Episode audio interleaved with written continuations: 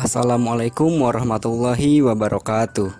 Halo semua, selamat datang di podcast saya. Semoga kalian semua yang mendengarkan podcast ini dimudahkan rezekinya dan dilancarkan segala urusan-urusannya serta senantiasa dilindungi dari wabah yang sedang melanda dunia saat ini khususnya di Indonesia. Baik, sebelumnya saya izin memperkenalkan diri. Nama saya Muhammad Raihan Jazuli dari kelompok 5. Semenjak tahun 2020 lalu, dunia yang kita tinggali saat ini telah digemparkan oleh wabah virus COVID-19 atau yang kita sebut sebagai virus corona. Virus ini diketahui berasal dari Wuhan di Cina.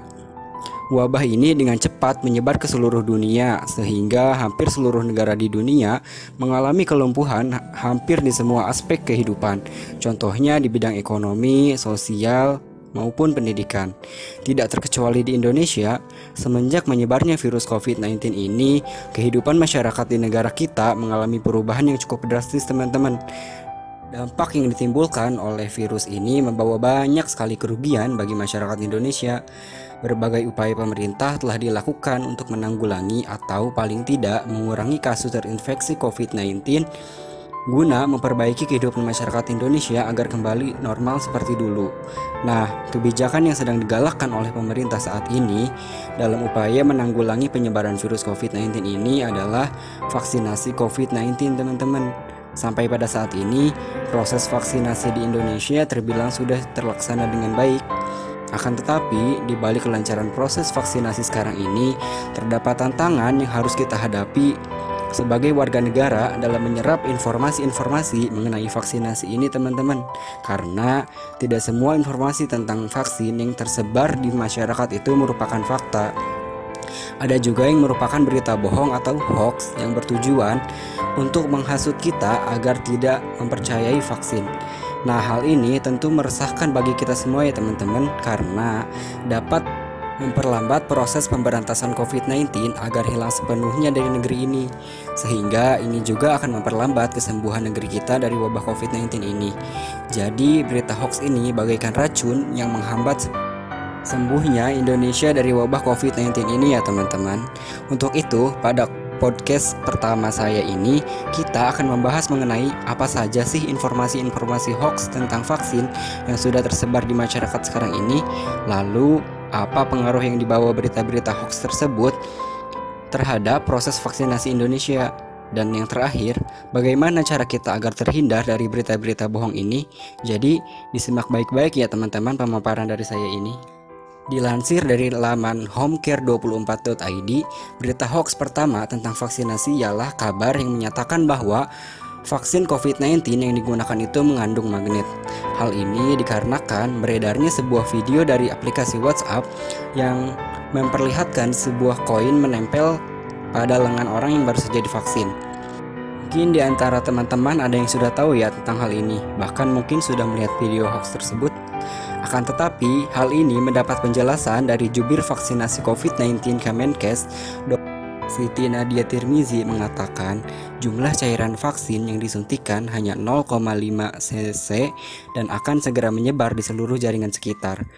Sehingga tidak ada cairan yang tersisa, sedangkan uang logam yang menempel di permukaan kulit bisa disebabkan karena keringat. Nah, jadi seperti itu ya teman-teman penjelasan para ahli mengenai kabar hoax bahwa vaksin itu mengandung magnet. Kemudian berita hoax yang kedua yaitu bahwa vaksin menjadi penyebab munculnya varian baru COVID-19. Hal ini bersumber dari Twitter pada salah satu postingan dari pemenang Nobel Prize dari Prancis, Luc Montagnier yang menuliskan bahwa vaksinasi dapat menimbulkan varian baru COVID-19. Namun faktanya teman-teman, sejumlah ahli mengatakan bahwa klaim vaksinasi akan menciptakan varian baru virus corona adalah tidak benar. WHO menjelaskan, vaksinasi tidak dapat menyebabkan virus corona asli bermutasi menjadi varian baru. Hal yang menyebabkan virus corona bermutasi adalah karena virus menyebar secara luas dalam populasi yang besar, serta menginfeksi banyak orang. Penyebaran dalam tingkat tinggi itulah yang kemudian menciptakan mutasi baru virus corona hingga menjadi varian baru. Lebih dari 99,9% dari semua varian virus corona berasal dari dan menyebar ke orang yang tidak divaksin. Nah, untuk yang kedua ini sudah sangat jelas ya teman-teman penjelasan dari para ahlinya bahwa yang menyebabkan munculnya varian dari COVID-19 itu sendiri adalah karena virusnya menyebar secara luas dalam skala yang besar. Untuk yang ketiga ini adalah berita bohong bahwa menerima donor darah dari yang sudah melakukan vaksinasi dapat membahayakan orang yang didonor.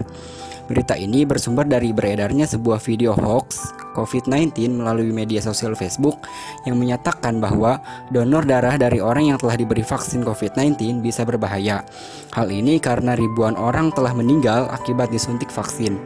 Se sehingga secara langsung juga dapat mempengaruhi orang yang menerima donor darah dari mereka.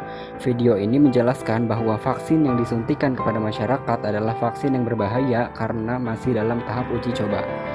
Namun faktanya, juru bicara vaksin COVID-19 Kementerian Kesehatan Dr. Siti Nadia Tirmizi menyatakan, klaim darah dari pendonor yang sudah divaksin COVID-19 tidak berbahaya.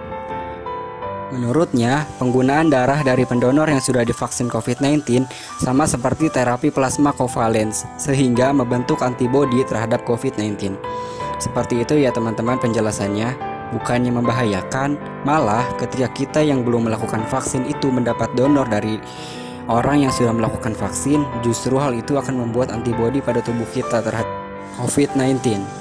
Selain ketiga informasi hoax tersebut, masih banyak lagi informasi hoax tentang vaksin COVID-19 lain yang tidak bisa saya paparkan karena keterbatasan durasi ya teman-teman.